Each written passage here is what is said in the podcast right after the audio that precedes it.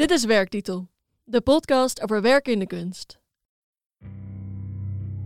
Mijn naam is Alix de Mesjak. Mijn naam is Zoe Dankert. En ditmaal zijn we in Rotterdam. Rotterdam, Rotterdam. En waar kom ik vandaan, Rotterdam? En ik ben hoofdcultuur bij de gemeente Rotterdam. Rotterdam is een werkstad. Gaan we gewoon werken. Uh, I really enjoy Rotterdam. I, it's Aflevering 9. Rotterdamse ruimte.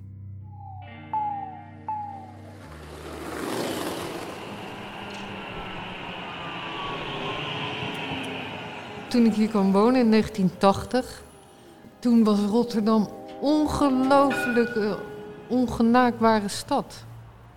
En er, er werd bijna niet uitgegaan. Je kwam hier gewoon om te werken. Dat is wat ik wilde. Gewoon ergens waar gewerkt werd en ergens waar je gewoon aansluiting kon vinden, ook in die uh, technische wereld. En mijn beroep, wat, hoe ik het zag, was zo heel specifiek. Nee, ja, Rotterdam is een werkstad.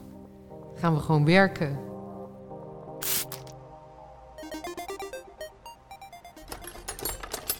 Afgelopen aflevering hoorde je Paul van Gennep, adjunct-directeur van Melly. Um,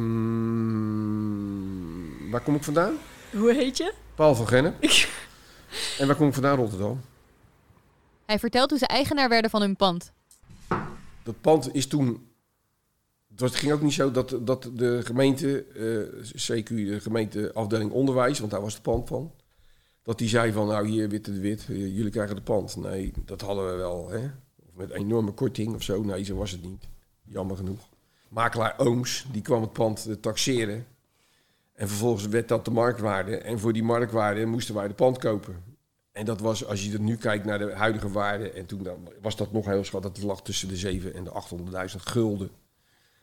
Als je dat nu vertaalt naar nu, is dat natuurlijk uh, peanuts eigenlijk. Maar we hadden dat natuurlijk niet. Wij konden natuurlijk niet een pand kopen van 7 ton. Dus toen hebben we met medewerking van de gemeente, dus de eerste jaren, hebben we uh, uh, een hypotheek kunnen afsluiten met een gemeentegarantie.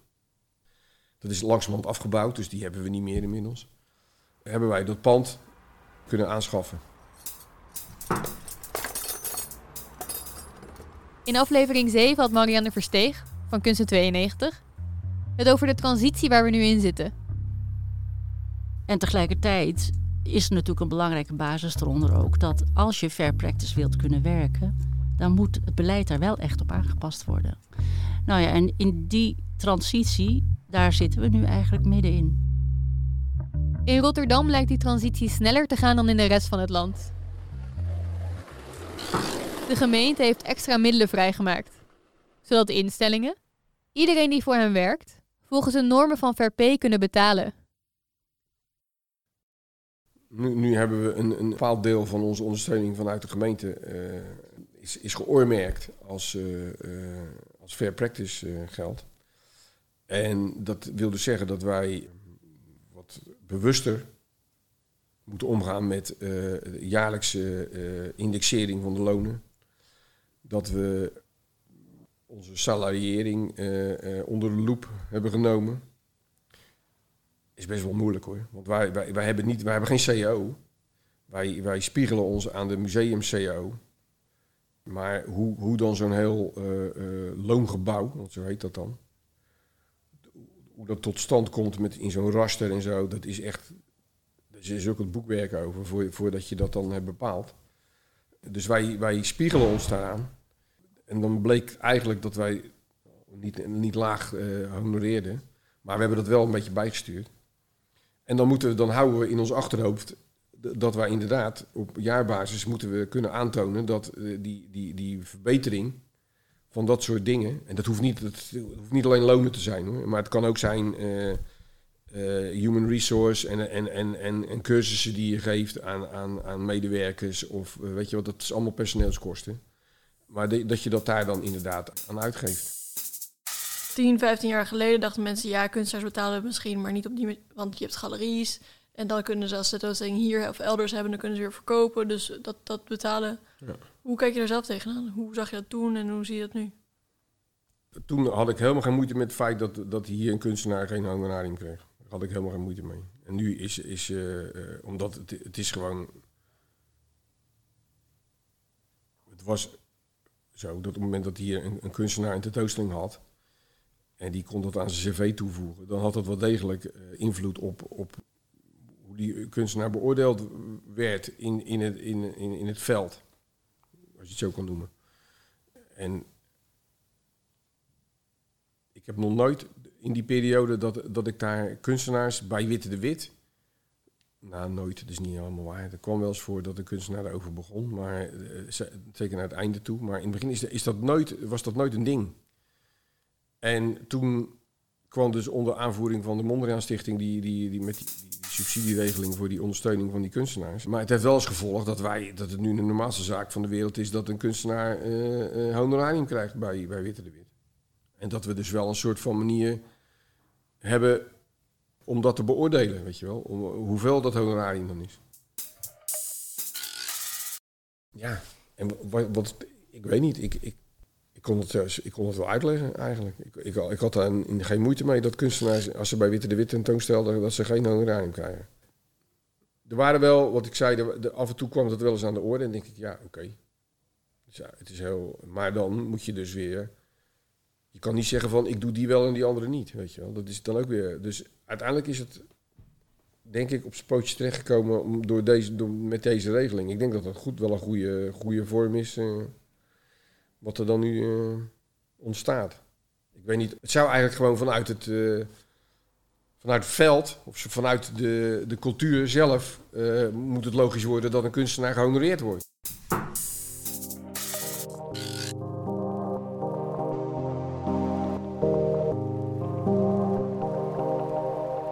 Ik was in het stadhuis van Rotterdam en sprak met Alice Vlaanderen, hoofdcultuur bij de gemeente Rotterdam, over hoe de gemeente beleid maakt. Ik ben Alice, Alice Vlaanderen. Ik ben ehm, 59 jaar. En ik ben hoofdcultuur bij de gemeente Rotterdam. Ik geef leiding aan een eh, afdeling van, ik denk dat er ongeveer 40, 42 eh, mensen werken. Beleidsadviseurs eh, voornamelijk. En eh, wat wij doen is eigenlijk stimuleren dat er zo'n zo'n optimaal mogelijk cultureel klimaat in Rotterdam is.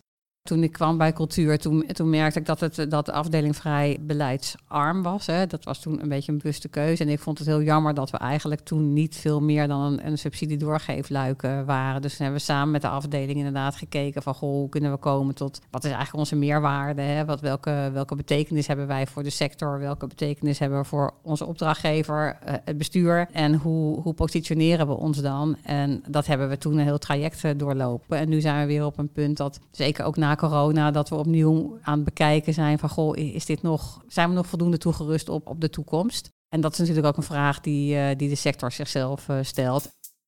Het is ook de culturele sector zelf die die code heeft opgesteld, hè, maar zelf ook niet heel erg bereid is om keuzes te maken daarvoor. Je krijgt een, een bepaald bedrag als subsidie en daar past niet alles in wat je hebt aangevraagd. En dan doen instellingen toch alles wat ze hebben aangevraagd. Dat is een keuze vind ik soms niet altijd een goede keuze. Want daar zijn dan eh, eh, heel vaak ZZP'ers en soms ook mensen in loondienst natuurlijk gewoon dupe van.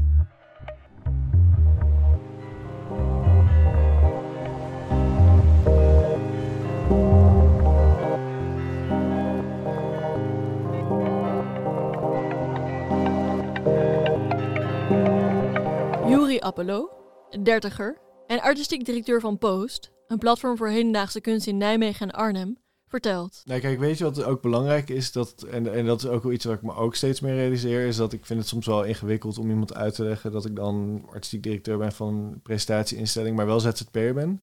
Maar mensen buiten de kunst snappen, snappen dat niet helemaal. Hij vertelde over een vergadering, waarbij allerlei leidinggevenden uit de cultuur uit Nijmegen bij elkaar kwamen. En samen over de impact van corona spraken. Ja, dat ging eigenlijk van hoe gaan we dat opvangen en... ehm, en ik begon daar een beetje een soort pleidooi te houden voor ZZP'ers. Volgens mij naar aanleiding dat iemand zei... ja, dan kunnen we straks terug naar het normale... waar gewoon mensen huizen kopen. Of zo. een beetje een soort hele rare opmerking. Waarop ik dus zei van ja, ik weet niet welke... terug naar welke normaal je bedoelt. Want ik kan in een normaal kan ik dus geen huis kopen... omdat ik ZZP'er ben en dat het allemaal heel ingewikkeld is toen werd dus inderdaad de vraag gesteld van wie is hier ZZP'er? En eigenlijk wat direct in de zaal duidelijk werd, was dat alle jonge mensen ZZP'er waren en alle oudere mensen in eh, vaste dienst waren.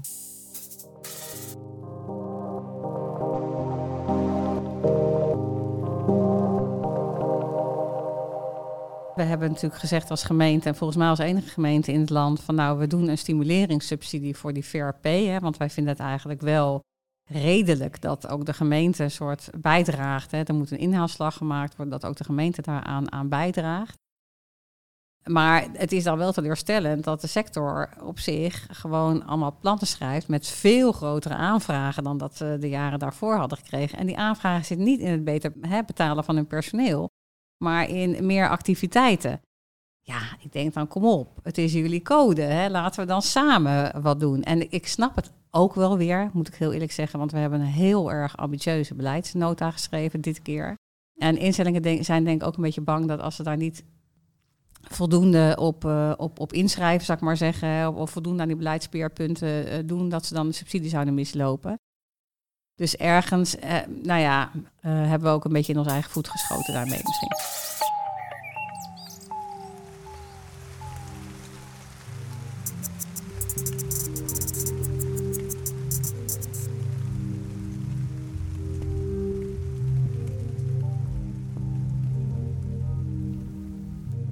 Ben Charlene Adriaanses, ik ben 33 jaar oud.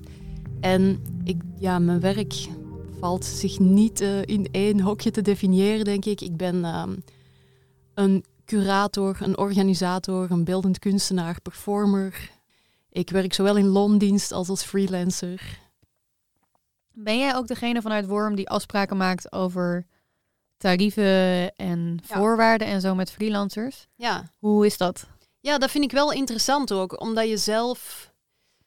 Ja, vanuit, vanuit Worm weet ik welke mogelijkheden er zijn voor artiesten, maar bots ik ook op problemen soms voor hun, of dat zij meer budget vragen voor iets en dat ik denk van, huh, maar we betalen jou toch oké, of, of dit is toch fair pay, of, of zij vragen plots nog een flatscreen, of die flatscreen is niet groot genoeg, of van, van, hele, van grote budgettaire kwesties tot hele kleine ja, praktische dingetjes.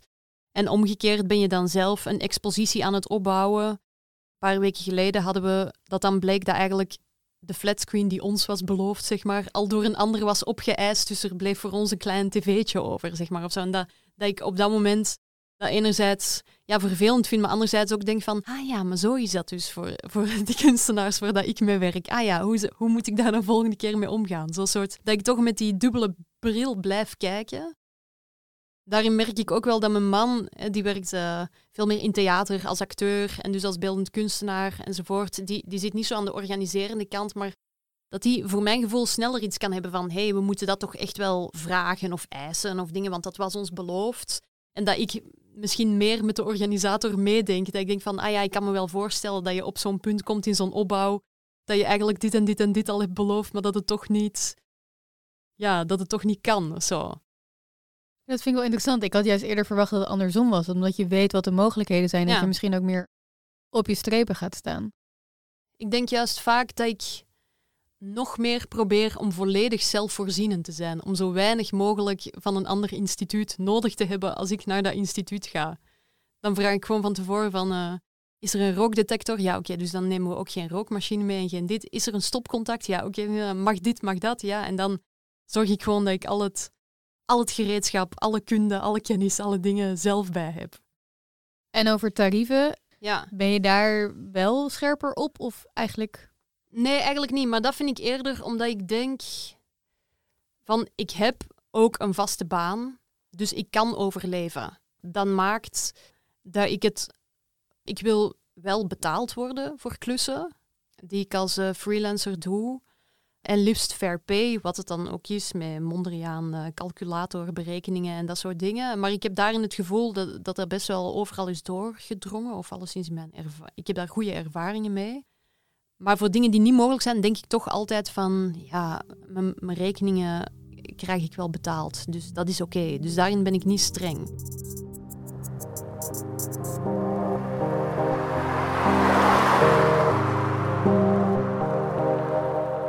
Geleden hebben we een International Advisory Board hier over de vloer gehad. Die gebruikten we eigenlijk voor meer economische vraagstukken.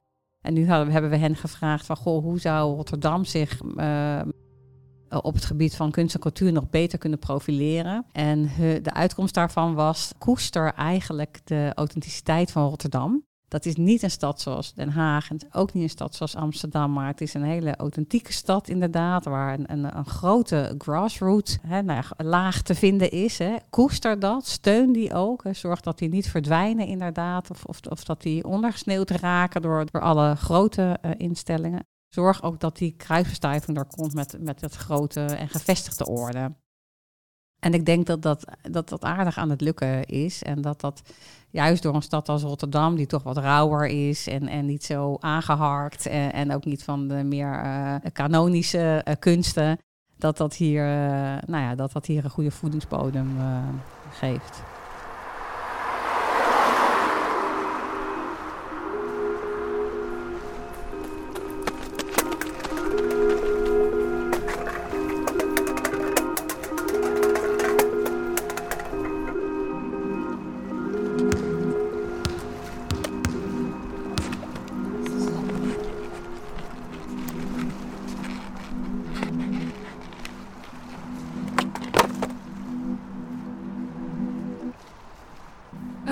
Isabel Sully. I'm an artist and writer from Australia originally, but I live in the Netherlands now.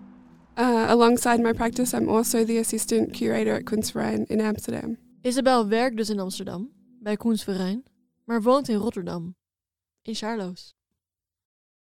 I really enjoy Rotterdam. I, it's funny working in Amsterdam and living there, although I'm not experiencing Amsterdam a huge amount since I've started because of COVID and everything. But it feels like a very different city. Rotterdam, it's really let's have a beer at this apartment where there's also an exhibition. And oh, I forgot to look at it because we were catching up. Like it feels more, um, it feels very deprofessionalized, I would say. It feels like the priorities are social. And that's not to say people don't take their work seriously and that people aren't ambitious. They definitely are. But maybe also by default of a lack of middle scale spaces in Rotterdam, it feels a lot like people are often work actually showing work elsewhere, and so that makes Rotterdam a space that's a bit more informal. It's socially, it's a, a good place to work. It somehow creates a lot of time, and it's really affordable. And there's a good group of people living in the area I live in because there were a few Gemeente policies that were geared toward cheaper housing for artists. So there's a few I mean, they're hospitable in some ways, these policies for artists, but in others, they're just about gentrification. So, of course, we'll be ruined by them ourselves anyway, I guess. Time and money are very interlinked, and because it's really cheap for me, my apartment's very cheap. I was really lucky. That means time. So, it creates a lot of space to be working in studios. And I think, I mean, there's also been a real shift in the last even six months, I think, of the cost of studios and the difficulty in finding apartments in Rotterdam. So it's definitely changing.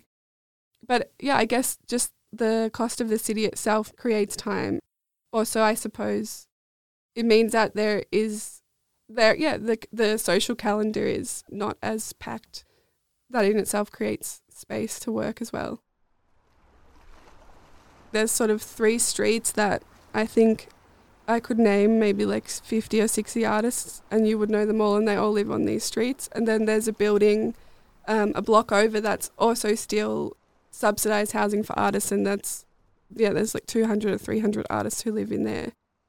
And then it's sort of spotted with lots of little different craft-based studios, I suppose. Like on my street, there's a weaving studio and there's a few ceramic studios around. So it's not necessarily I don't think if you went, it would be clear that there's a lot of contemporary artists living there, I suppose. But it, it's still largely residential and it's aesthetically pretty bleak, I would say, like a lot of post war social housing and not much nature and uh, this kind of thing. But there was a period, I think it, toward the end of last year, where they had a ferry when they were renovating the Mass Tunnel.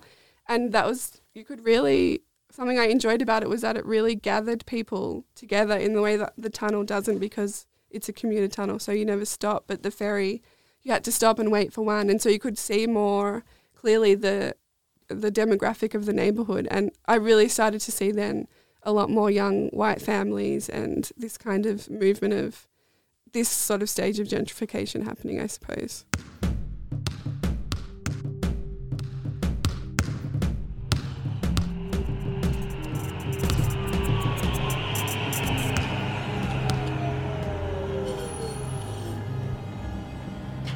Kim de Haas vertelt in aflevering 4 dat ze niet meer de dromer is die ze ooit is geweest.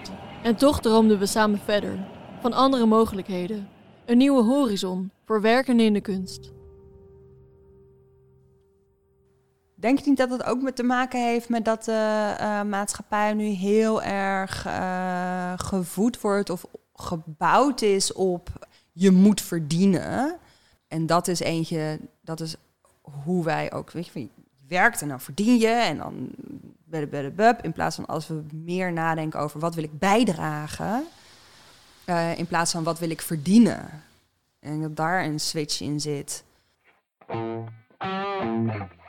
Mijn moeder en mijn vader hebben allebei gekraakt toen ze jong waren.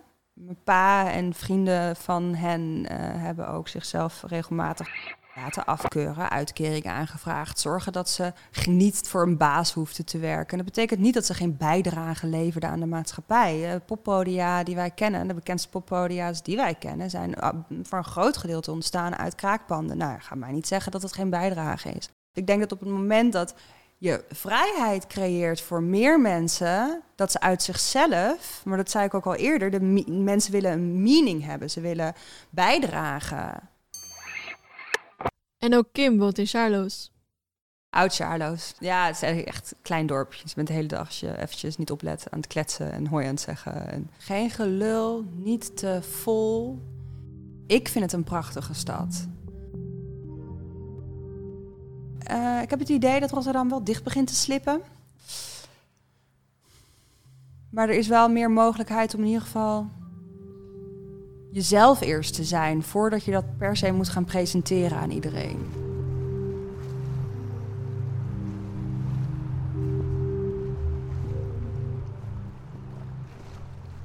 Had jij een huis willen kopen of zou je een huis willen kopen? Um, ik heb denk ik, totdat ik hier een vast contract tekende, nooit nagedacht over het feit dat ik een huis zou kunnen kopen. Uh, als kind van een bijstandsmoeder uh, die niet heel erg gedreven is met de norm van het leven. De, het huisje, boompje, beestje leven is in mijn hoofd nooit echt een optie geweest. Um, dus een huis kopen ook niet. Um, maar dat was eigenlijk toen pas voor de eerste keer dat ik dacht, oh wacht, Oh, en ook de eerste keer dat ik ergens wou blijven. Waar ik met mijn huidige loon drie jaar geleden nog een huis had kunnen kopen, kan ik nu een garage kopen. En een woonboot. That's it. Maar je hebt nu een vast contract en we hebben het over de dichtgeslipte woningmarkt. Dat betekent dat je dus dan in een andere stad zou moeten kopen als je zou willen kopen. Ja, maar dan dus niet kopen. Het is voor mij geen must. Denk je dat veel mensen in de kunstsector geen huis hebben, om wat voor reden dan ook? En met huis hebben bedoel ik uh, een koophuis. Ja, dat denk ik. Ik denk dat de meeste mensen die wel een huis hebben, uh, voor goede huizen komen. Zijn er veel mensen van goede huizen in de kunstsector? Dat je... Ja. Waar zou het door kunnen komen, denk je? Vrijheid. Om te kiezen wat je zelf wilt. Want je hebt het geld. Of je hebt in ieder geval het idee dat je het geld hebt, omdat je zo bent opgegroeid. Dus dan denk je een economisch minder rendabele keuze, dat, dat kan ik me veroorloven. Ja. Maar waarom ben jij dan gaan doen? Wat was dan voor jou... Opgegroeid worden met dat uh, een economische uh, stabiliteit niet per se geluk brengt. Dus alles is open, alles is mogelijk. Want de stabiliteit van een vast huis, vast inkomen, brengt je geen geluk. Dus dan hoef ik daar niet naar op zoek. Dus dan kan ik doen en laten wat ik wil. Ik hou wel steeds meer van de stabiliteit die mijn baan geeft. Maar als ik daarvoor te veel zou moeten gaan inleveren van mezelf, zou ik een andere kant kiezen.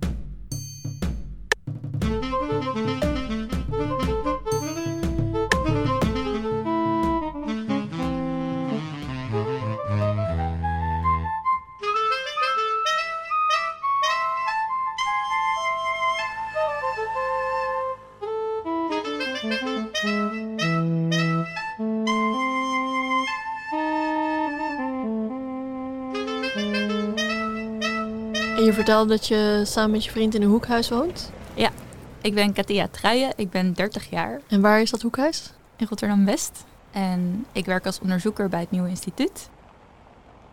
Is het een huurhuis of een koophuis? Een koophuis. Dat heb ik gekocht drie jaar geleden. En eh, nu zou ik het nooit meer kunnen kopen. Wat ik zelf heel erg leuk vind aan Rotterdam is dat het voelt als een stad waar je ook weer weg kan gaan en dan weer terug kan komen. Rotterdam is wat misschien soms wat vergevingsgezinder, dat dingen ook mogen mislukken, dat er dingen opnieuw kunnen opgebouwd worden, wat ook echt een beetje soort in die stad zit of huist. Het Nieuwe Instituut heeft altijd een soort het uitgangspunt genomen. Dat heeft de directeur Guus Beumer gedaan, maar ook de, de mensen die daar werkten. Om te bevragen wat een instituut eigenlijk is en kan zijn. Oké, we hebben een Rijksarchief voor architectuur en stedenbouw, maar wat betekent dat precies? Hoe is dat archief ooit daar tot stand gekomen? Eh, wat zijn de manieren waarop we eh, zo'n archief opbouwen? En hoe kan dat misschien ook anders? Wat zijn de actoren die daar niet in zitten bijvoorbeeld? Dus vanuit daar heb ik heel lang aan een project, nog steeds eh, loopt dat door, een project Architecture of Appropriation, wat, waar we eh, zijn gaan kijken hoe we de kraakbeweging in Nederland als collectieve architectuur, die ongelooflijk belangrijk is en heel veel steden ja, vorm heeft gegeven eigenlijk, maar ook eh, ideeën over collectief wonen of autonoom wonen, maar ook het beheer van monumenten. Een hele belangrijke stem die dan niet in zo'n archief is ondergebracht. Ehm, hoe we die zouden kunnen documenteren en ook kunnen archiveren.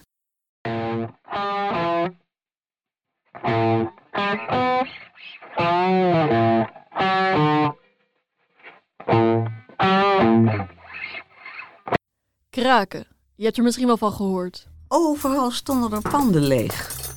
Kraken is cruciaal geweest voor heel veel steden in Nederland. De panden die destijds zijn gekraakt huisvesten inmiddels heel veel culturele instellingen. Bijvoorbeeld Post, waar je net Jury van hoorde. En als je dan ging vragen, ik weet nog van een enorm pand in de Tesselschadestraat. En het Souterrain, daar zat kennelijk een kantoortje. En toen gingen we daar vragen, god, is daarboven, is dat daar misschien te huur? Nee, zeg, daar heeft die eigenaar geen zin in. Het brengt zo zijn geld wel op, gewoon als belegging, dus hij verhuurt het gewoon niet. En dus pas daarna is die kraakbeweging gekomen. En dat kon je je zo voorstellen. Maar wij, eh, ja, wij waren nog zoet en braaf, wij dachten niet aan kraken. Je hoort Willemijn Stokvis. Ze heeft gewerkt als curator, kunstcriticus en ze was docent aan de Universiteit Leiden. Ze vertelde over de periode net voordat kraken normaler en berucht werd in Nederland. Met het hoogtepunt in de jaren 80. No future. Nou, dat was gewoon geen werk. Erik Wong is grafisch ontwerper, radiomaker en docent. Ik bedoel, het waren de jaren tachtig. We zaten in een enorme omslag eigenlijk van het oude industriële complex. Weet je, die oude, die, alle, de industriële productie verdween Europa uit. Maar er was nog niet echt iets voor in de plaats gekomen. Later is de tech, hè, is de, tech en de kenniseconomie daarvoor in de plaats gekomen. We zaten echt in een soort transitie. Dus er was echt sprake van een, van een, van een crisis. Op allerlei vlakken. We hadden niet alleen maar die klimaatcrisis in de jaren tachtig, maar ook de bom hing nog boven de markt. Uh, ja, het was echt de tijd van, van de krakers en de punk en de, en de no future, zou ik maar zeggen. Kim had het over de poppodia die zijn gekraakt. Denk aan Paradiso in Amsterdam. Maar ook in Rotterdam werd er volop gekraakt. Men had de ruimte hard nodig en ging er net zo hard in. Dat is nu al anders. In 2010 werd kraken illegaal. Het is moeilijk hoor, maar juist dan moet je gewoon super uh, ervoor gaan. Als je iets met kraak ziet, gaat het vooral om anti-kraak. Als je Tina voelt, is het tijd voor een hele hoge uh, urgentie. En dus kraken mensen huizen.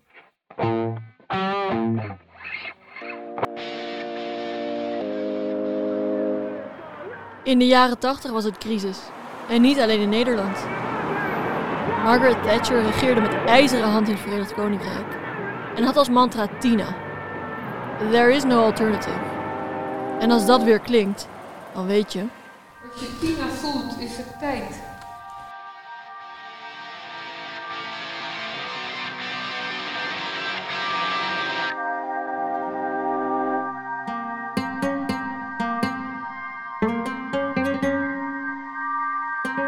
Culture Workers Unite, uit aflevering 4, wonen en werken, net als veel anderen in deze aflevering, ook in Rotterdam.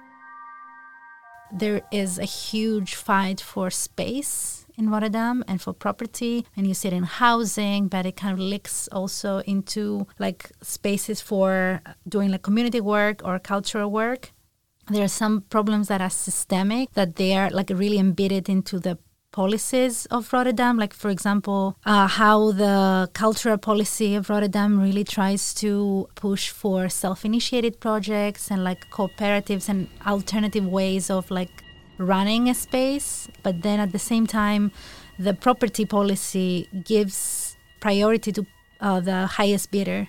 So, for sure, if there is a space to be fought against like a big real estate company and a group of artists the big real estate company is going to get priority. So like how do you want to support alternative ways of living and working etc but at the same time not allowing a chance of the people to have a space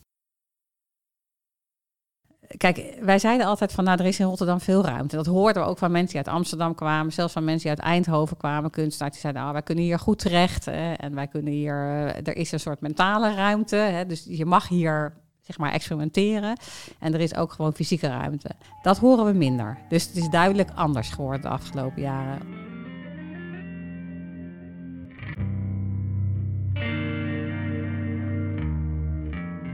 Uh, er is veel discussie over geweest, over die culturele basisinfrastructuur. Hij heet de Rotterdamse Culturele Basis. Daar zitten acht instellingen in. Daar hebben we een aantal criteria voor gebruikt. Dat zijn eigenlijk instellingen waarvan we zeiden van ja, die willen we niet elke vier jaar door dezelfde hoepel laten springen. Dat is een beetje het negatief geframed. En je kunt ook zeggen dat zijn eigenlijk instellingen die voor de stad, voor de gemeente, wel een beetje een, een, een strategische partner zijn. Die, die echt voor de stad heel belangrijk zijn en die we ook niet willen laten vallen.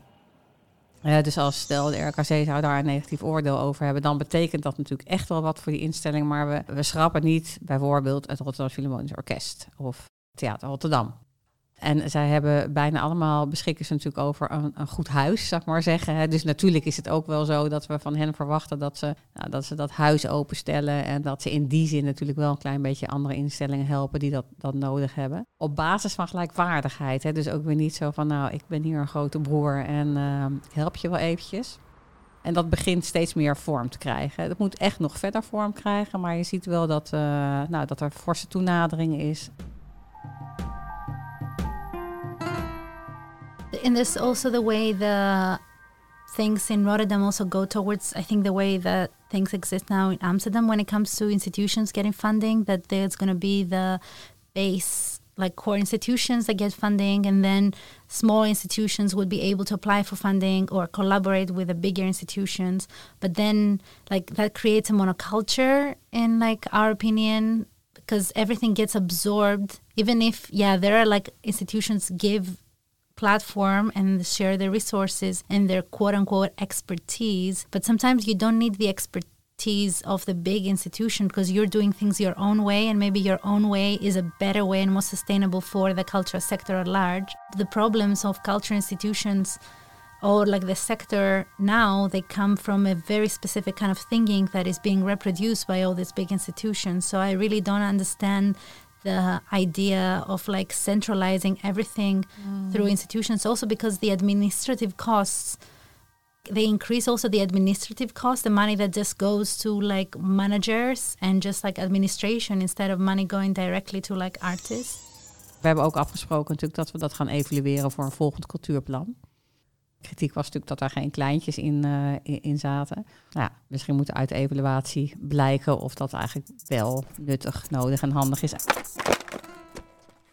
And it reproduces hierarchical structures. You know, I think I agree with you that in mm. Rotterdam there's this also from the municipality, for example, with artist ateliers, they want to support one organization to be the centralized group who deals with all artist ateliers, mm-hmm. you know? So it's really this like you go through this one organization who is artist ateliers in Rotterdam. I mean, obviously yeah. there are independent ones, but they really struggle to survive because so it becomes yeah. this monoculture yeah. in a way. And I think like mm. the resistance to that is building, I think, because places are struggling to really fight for independence. Yeah, but also the resistance is building because, like before, you feel so lucky as an artist to have an atelier, and you're like, oh, it's a kind of affordable, and it's at least it's not like anti-crack. I'm not gonna get kicked out in like three months. But then slowly, people see the issues of like the same organization having the like monopoly on everything and the same organization also evicting people who are artists from anti-crack to make it again atelier for other artists who are through like their list which is not a proper list because they put people as they want kind of like in a non-transparent way but also there are like other ways to do it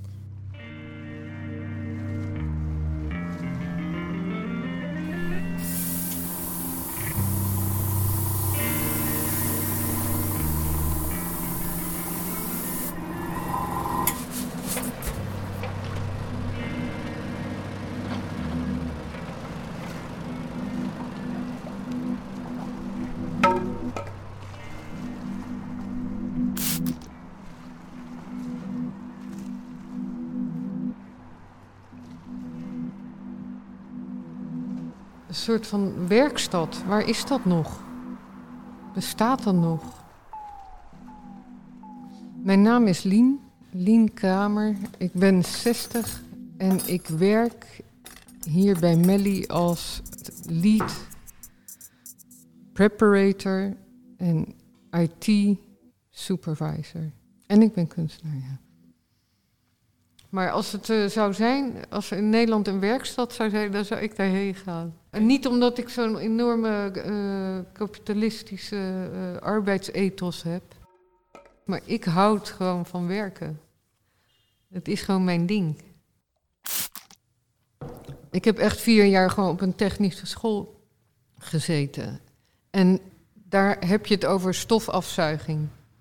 Daar heb je het over ventilatie, over spuitcabine.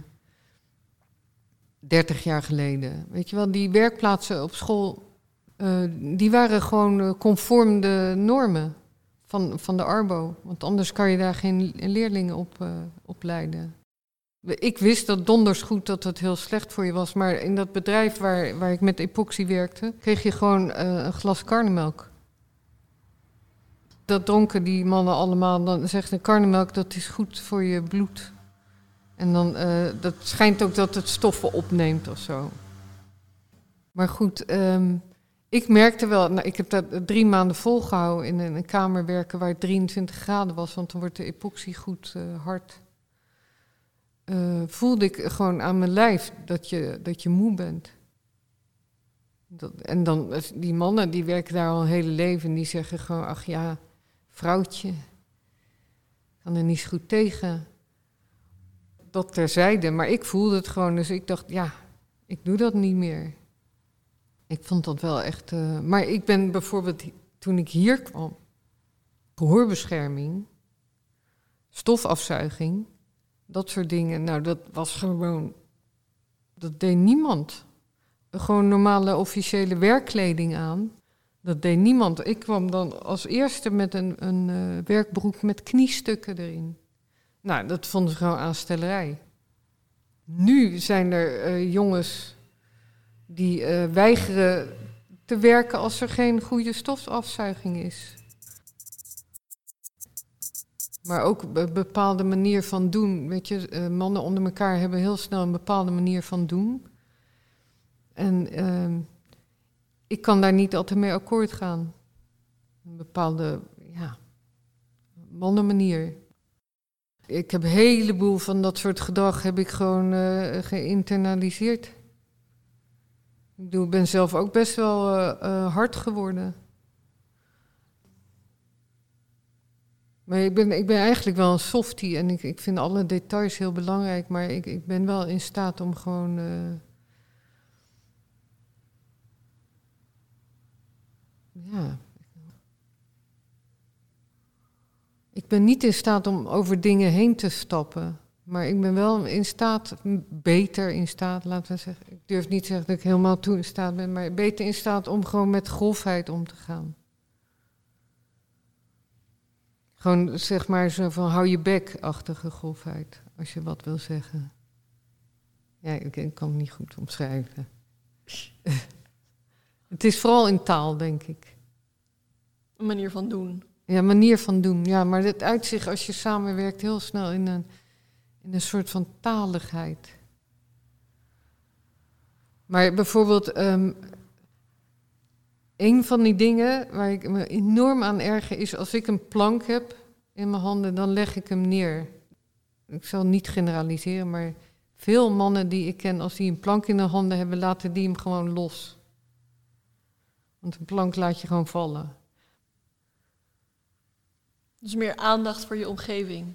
Ja, ja, ja. En ook aandacht voor je welzijn, maar ook het welzijn van de ander. Weet je, sommige dingen doe je niet eh, omdat iemand daar staat.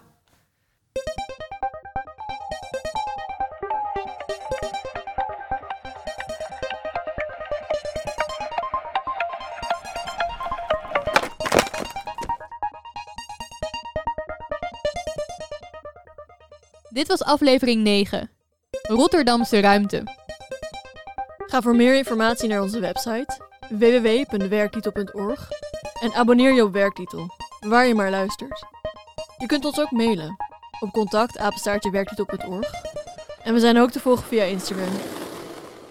Wij bedanken Lien Kramer, Paul van Gennep, Marianne Versteeg, Alice Vlaanderen, Juri Appelo, Charlene Adriaansens, Isabel Sally, Kim de Haas, Katia Truijen, Willemijn Stokvis, Erik Wong en Cultural Workers Unite.